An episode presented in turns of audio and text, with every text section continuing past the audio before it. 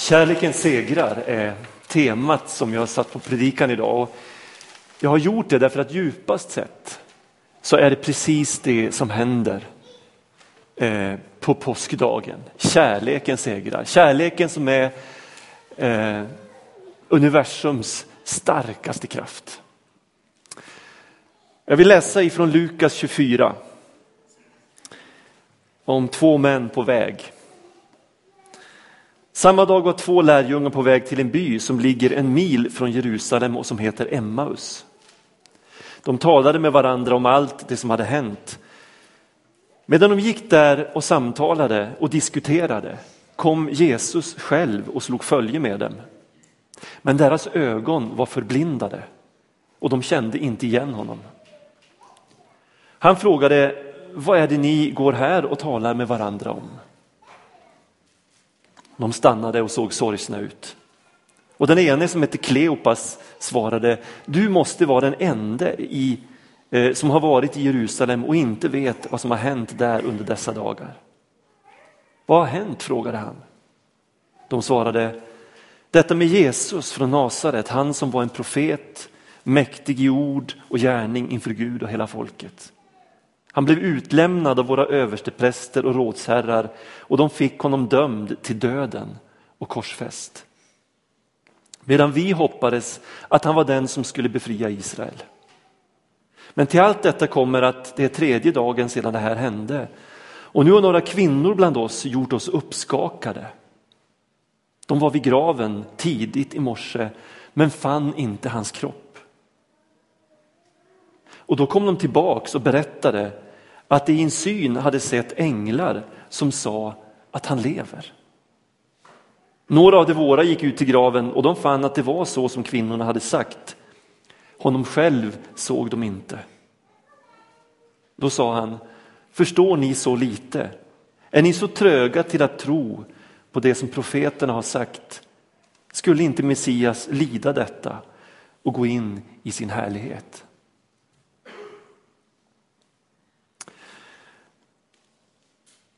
Ni som var här på långfredagen, ni fick lyssna till Bengt Wennman när han predikade om hur Gud fördold i en bräcklig mänsklig kropp dör en brottslings död. Uppspikad på förbannelsens kors. Det här är enda tillfället någonsin från evighet till evighet när den innerliga gemenskapen i Gud bryts. Det var i samband med Jesu avrättning. Och vi förstår av de här bibeltexterna eh, att påskhelgen då Jesus gav sitt liv var dramatik på högsta nivå. Vi läser att jorden skalv. Himlen höll andan. Satan trodde att han hade segrat. Jesus var död. Guds sons gästspel i tiden slutade. Det måste ju alla se i totalt nederlag och fiasko. Och vi anar mobiliseringen i andens värld till just den här platsen, vid just det här tillfället. I några ord som Jesus säger. Han säger, detta är er stund. Nu härskar mörkret. Hela den här scenen är så dominerad av svek och rädsla. Alla lärjungarna är på flykt. Jesu ångest inför det han ska gå igenom. Svetten som blir till blod i Jesu panna. Hans utrop på korset, min Gud, min Gud, varför har du övergett mig? Och det här mörkret som lägrar sig över hela jorden. Och jag ryser vid tanken. Att det som händer där och då, det händer på grund av, eller är orsakat av, vår synd. Av vårt svek, av våra brott, våra misslyckanden. Han dör för oss. Han dör för mig. Han dör för dig. Och här skulle jag vilja att vi stannar upp ett litet ögonblick och att du tar in det. Han dör för oss.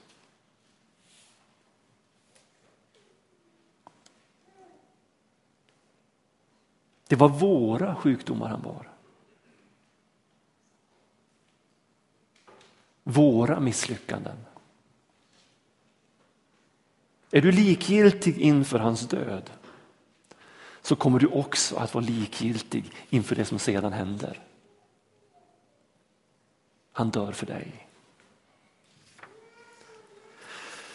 Jesu död är nämligen bara halvtid. Paulus skriver i andra Korintierbrevet 2.8. Guds hemlighetsfulla vishet var fördold. Men redan före tidens början av Gud bestämd att leda oss till härlighet. Den kände ingen av denna världens makter till. Om de hade känt till den så skulle de inte ha korsfäst härlighetens Herre. Och här anar vi att precis det som, som eh, vi hörde predikas om på långfredagen, att det var en fördold Gud. Det som skedde, det skedde i det fördolda. Och den onde han trodde verkligen på fullt allvar att han hade segrat. Han såg inte vad som verkligen hände. Han dör för vår synd, han tar straffet, eller som Paulus uttrycker det i Romarbrevet 4 och 25, han blir utlämnad för våra överträdelsers skull. Men när Jesus dör på korset så är dödens udd inte bruten. Vägen till människans frälsning är ännu inte öppnad. Jesus som död, det är egentligen vårt sista hopp begravt i ett sataniskt gapskratt. Eller som Paulus skriver till korintierna, då är vi de mest ömkansvärda av alla människor. Då är vår tro meningslös. Då har alla gått förlorade, även de som dött i tro. Då är all förkunnelse om liv efter döden en bluff och en gigantisk verklighetsflykt. Det finns människor som säger, jo men det kan väl vara bra att vara kristen ändå, även om inte Jesus har uppstått ifrån de döda. Paulus håller inte med. Han säger att har inte Jesus uppstått ifrån de döda, då är det bästa som kan hända att du och jag överbevisas om denna bluff här och nu. Så att vi inte en dag till lever i den villfarelsen.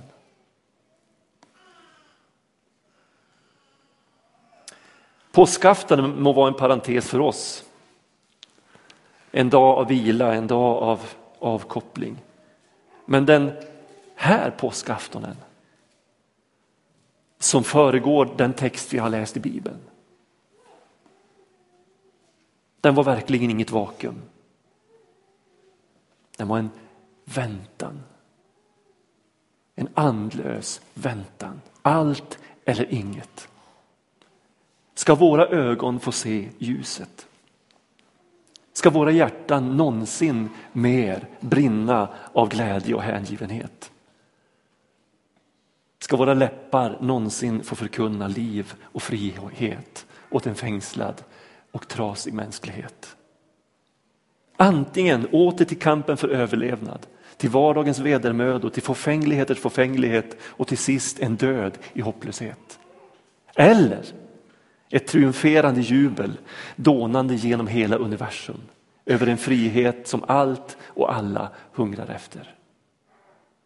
Och så läser vi i gryningen. Det är tidigt söndag morgon.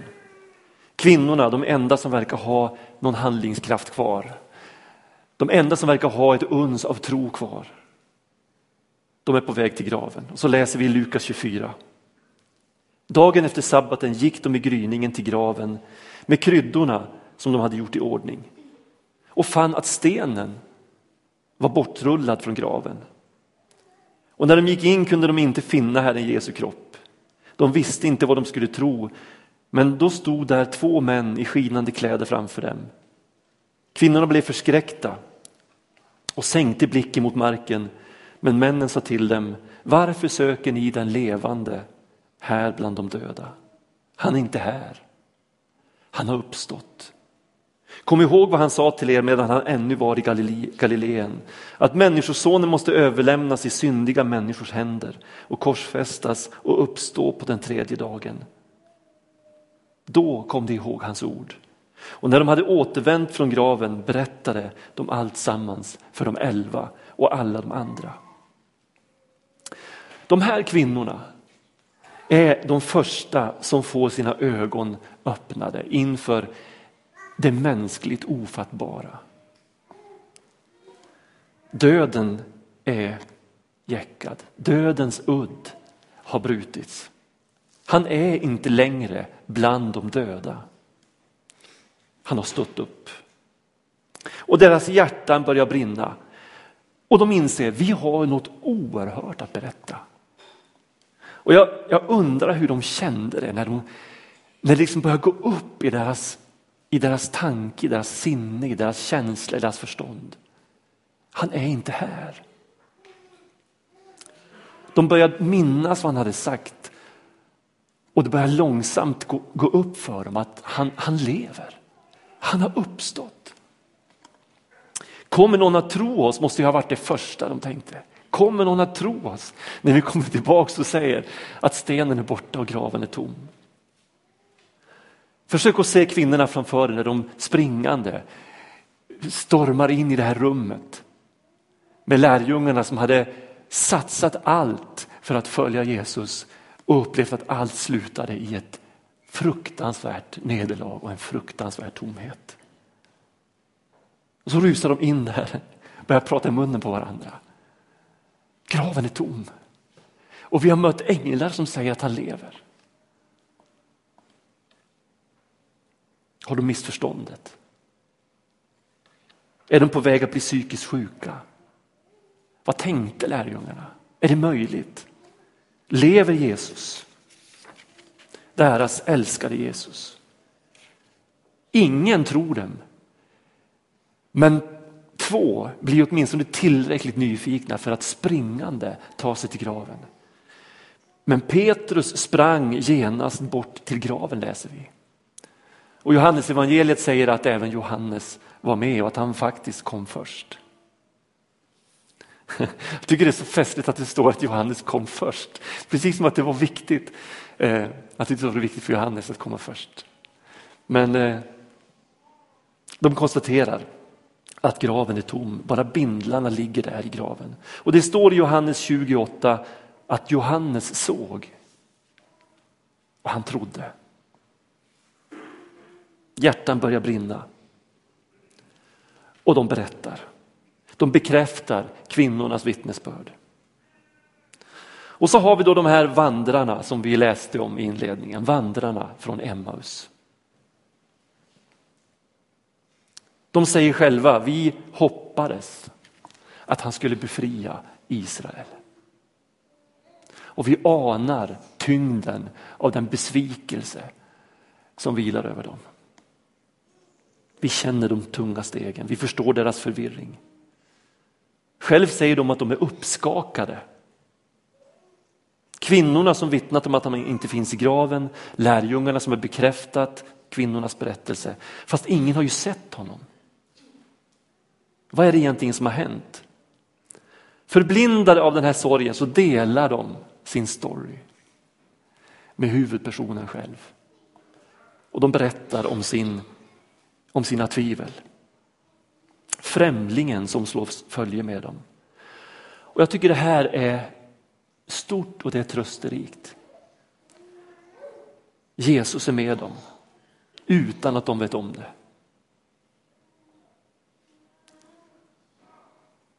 Tycker om den tanken. Jesus är med oss även om vi inte vet om det. Jag tänker på alla sörjande, förvirrade medmänniskor som bakom det här vardagliga famlar efter sanningen. Som ärligt och uppriktigt. Vi ska komma ihåg det, det finns så många ärliga och uppriktiga människor. Som innerst inne inte vill något annat än att veta vad är sanning som ärligt och uppriktigt söker, finns det en väg till liv? Finns det en väg till frihet? Som undrar vad är meningen med allt det här som vi just nu går igenom? Jesus är där för att öppna deras ögon och för att få deras hjärtan att börja brinna. Och så läser vi vidare i Lukas 24. Med början hos Mose och alla profeterna förklarade han för dem vad som står om honom överallt i skrifterna. De var nästan framme vid byn dit de skulle och han såg ut att vilja gå vidare. Men de höll kvar honom och sa, stanna hos oss, det börjar bli kväll och dagen är snart slut. Då följde han med dem in och stannade hos dem. Och när han låg till bords med dem tog han brödet, läste tackbönen och bröt det och gav åt dem. Då öppnades deras ögon och de kände igen honom. Men han försvann ur deras åsyn och de sa till varandra Brann inte våra hjärtan när han talade till oss på vägen och utlade skrifterna? Och genast bröt de upp och återvände till Jerusalem där de fann de elva och alla de andra församlade och dessa sa Herren har verkligen blivit uppväckt och han har visat sig för Simon. Själva berättade de då vad som hade hänt med dem på vägen och hur han hade gett sig till känna för dem genom att bryta brödet. Och så längre fram så läser vi i Lukas 24.36.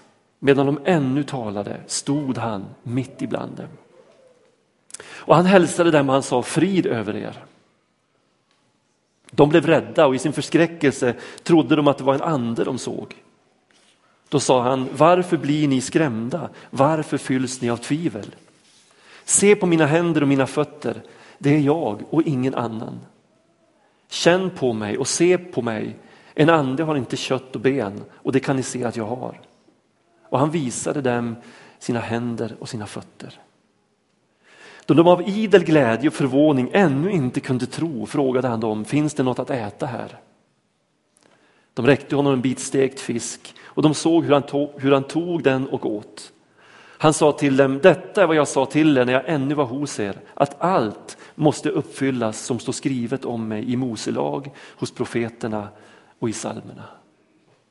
Och sen öppnade han deras sinne så att de kunde förstå. Och han sa till dem, detta är alltså vad skriften säger, Messias ska lida och uppstå från de döda på tredje dagen och syndernas förlåtelse genom omvändelse ska förkunnas i hans namn för alla folk med början i Jerusalem. Ni ska vittna om allt detta. Och jag ska sända er vad min fader har lovat, men ni ska stanna här i staden tills ni har blivit rustade med kraft från höjden. Och jag tycker jag ser ett mönster igenom de här texterna. Vi ser de öppnade ögonen. Och jag är övertygad om att det är någonting som bara Gud kan göra. Jag kan inte öppna dina ögon. Jag kan bara berätta vad jag själv har upplevt. Jag, jag kan bara berätta att jag själv tror, att jag själv har mött den uppståndne, att jag själv är djupt förvissad om att han är världens frälsare. Jag kan bara berätta. Precis som alla människor genom hela historien bara har kunnat berätta vad de har sett och vad de har hört. Men så stod det i texten att då öppnade han deras sinnen. Jesus öppnade deras sinnen så att de kunde förstå. Jesus säger på ett ställe, om någon vill göra Guds vilja så kommer han att förstå. Den som söker han finner, säger han. Den som ber han får, den som bultar för honom ska dörren öppnas. De öppnade ögonen, det brinnande hjärtat. Brann inte våra hjärtan? Den där elden i dig och mig kan ingen annan tända än Gud. Eh, och därför ber jag för min egen del och jag ber för er alla att det ska börja brinna här inne. Av fascination över honom som besegrade eh, det onda och övervann döden, spikade mitt skuldebrev på korset för att jag skulle bli fri. Och sen det tredje, berättelsen utifrån mötet med den uppståndne. Öppnade ögon, brinnande hjärta som får människor att berätta. Och jag börjar ana hemligheten till att du och jag kan fira påskdagsgudstjänst här uppe i Norden. Det finns människor som med öppnade ögon och brinnande hjärtan kom till det här landet. Uppe i höga nord. och berättade att det, det är sant. Det är sant. Han lever.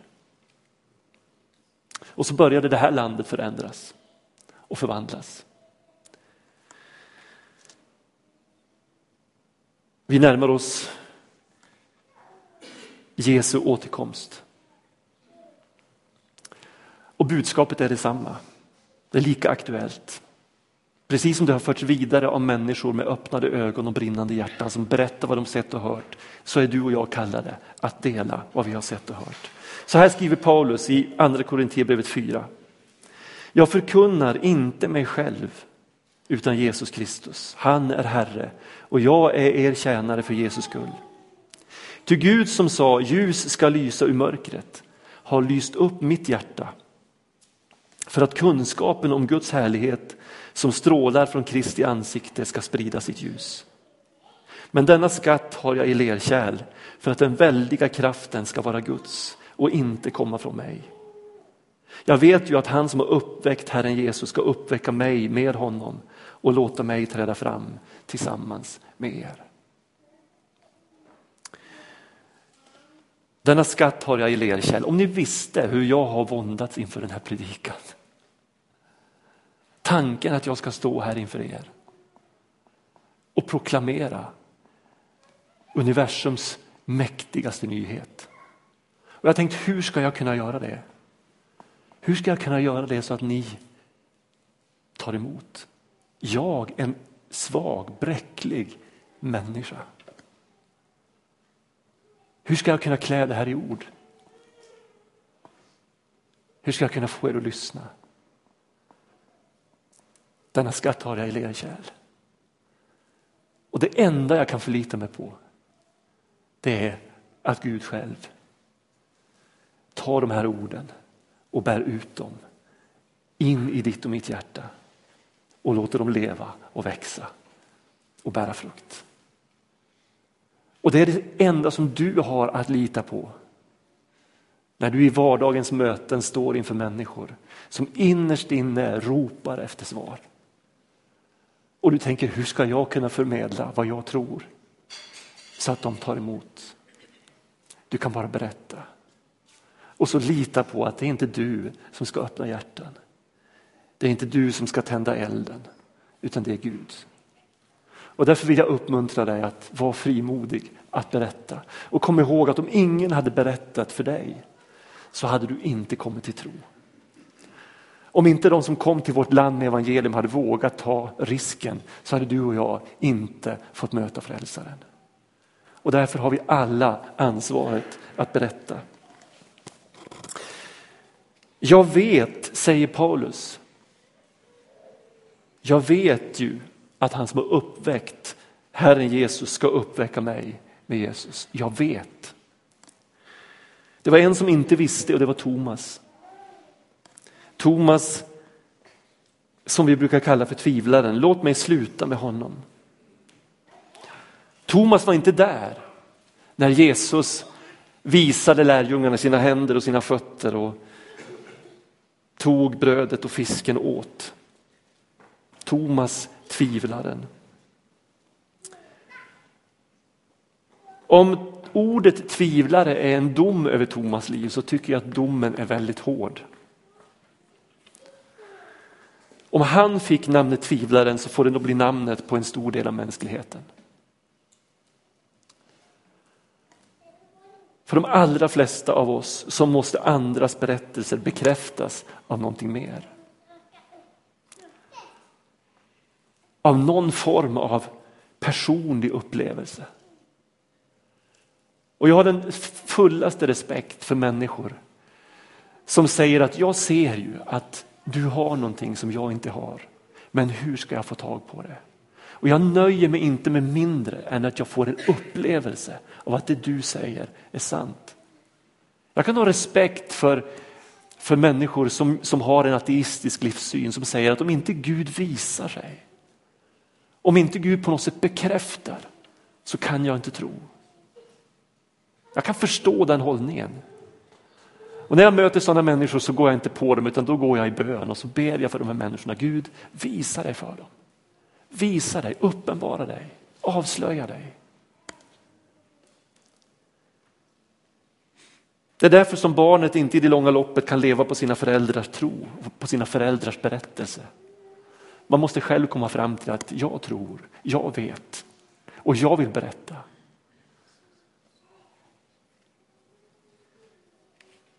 Visa mig blir bönen som allt mer pockar på. Och så läser vi Johannes 20, en av de tolv, Thomas som kallades tvillingen, hade inte varit med när Jesus kom. De andra lärjungarna sa till honom, vi har sett Herren. Men han sa, om jag inte får se spikhålen i hans händer och sticka fingret i spikhålen och sticka handen i hans sida så tror jag det inte.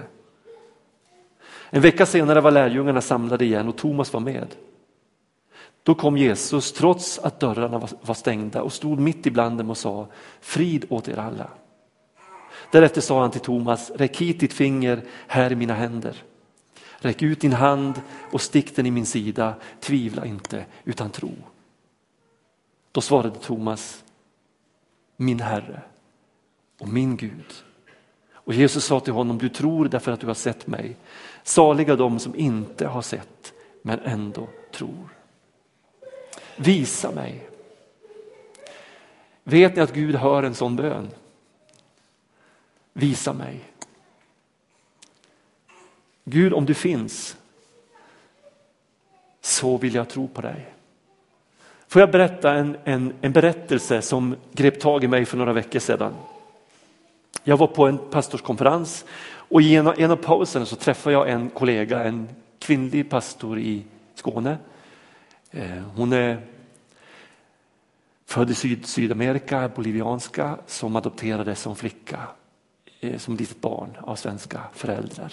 Växte upp i ett icke-troende hem, hon hade egentligen ingen relation till Gud överhuvudtaget. Hon var 14 år gammal när hon blev inbjuden av en kompis att sjunga i en, i en kristen ungdomskör. Och den här flickan ställde frågan till henne, tror du på Gud? Och Det här gjorde att när den här flickan hade övat med ungdomskören och satt på busshållplatsen och väntade så knäppte hon sina händer, kanske hon inte gjorde, hon bad i alla fall.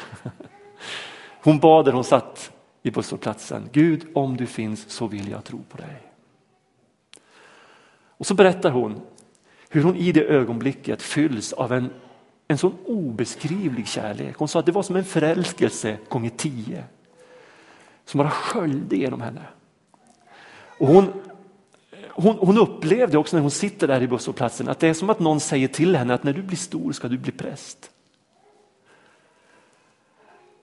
Hon tar bussen och åker hem och från den stunden så börjar hennes kompisar säga, vad är det som har hänt med dig? Vad, vad har du upplevt? Och hon säger, jag har ingen aning. Och så berättar hon bara vad som har hänt, men jag vet inte vad det är.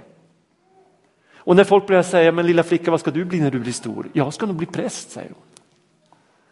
Och det här ruset, den här upplevelsen av kärlek håller i sig i flera månader, tre månaders tid. Hon har inga ord för det här, hon har inga, inga som hon kan dela hon har inga kristna vänner. Så långsamt så tynar det här bort.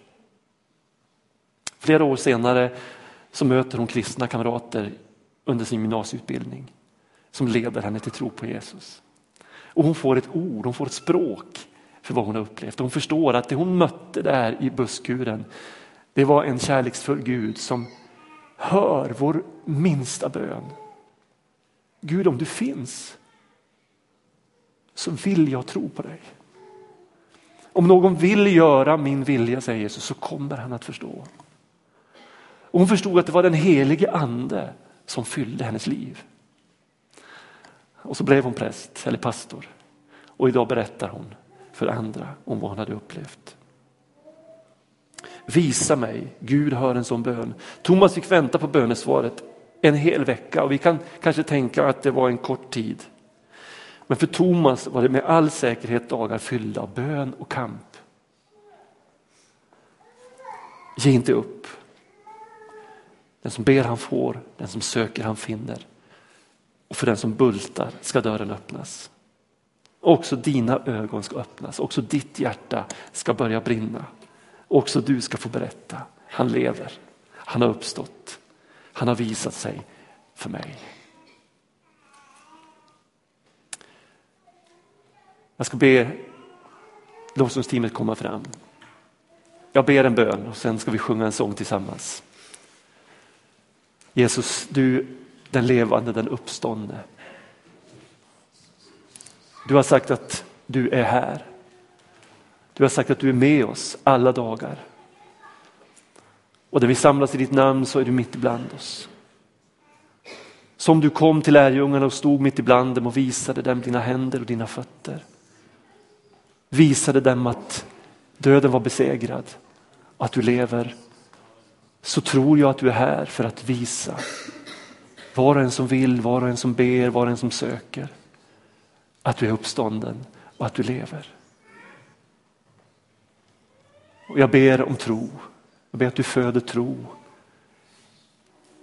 i vars och ens liv. Jag ber att du öppnar ögon. Jag ber att du tänder elden. Och jag ber att du fyller oss med den helige andes kraft så att vi vågar och vill berätta. Helige ande, ingen kan måla korsdramat som du och jag ber helige ande att du målar det i mitt liv. Att du målar det i mina syskons liv som sitter här. Att du målar det i dens liv som ännu inte tror. Helige ande, jag överlåter det här åt dig. Att måla dramat. I Jesu namn. Amen.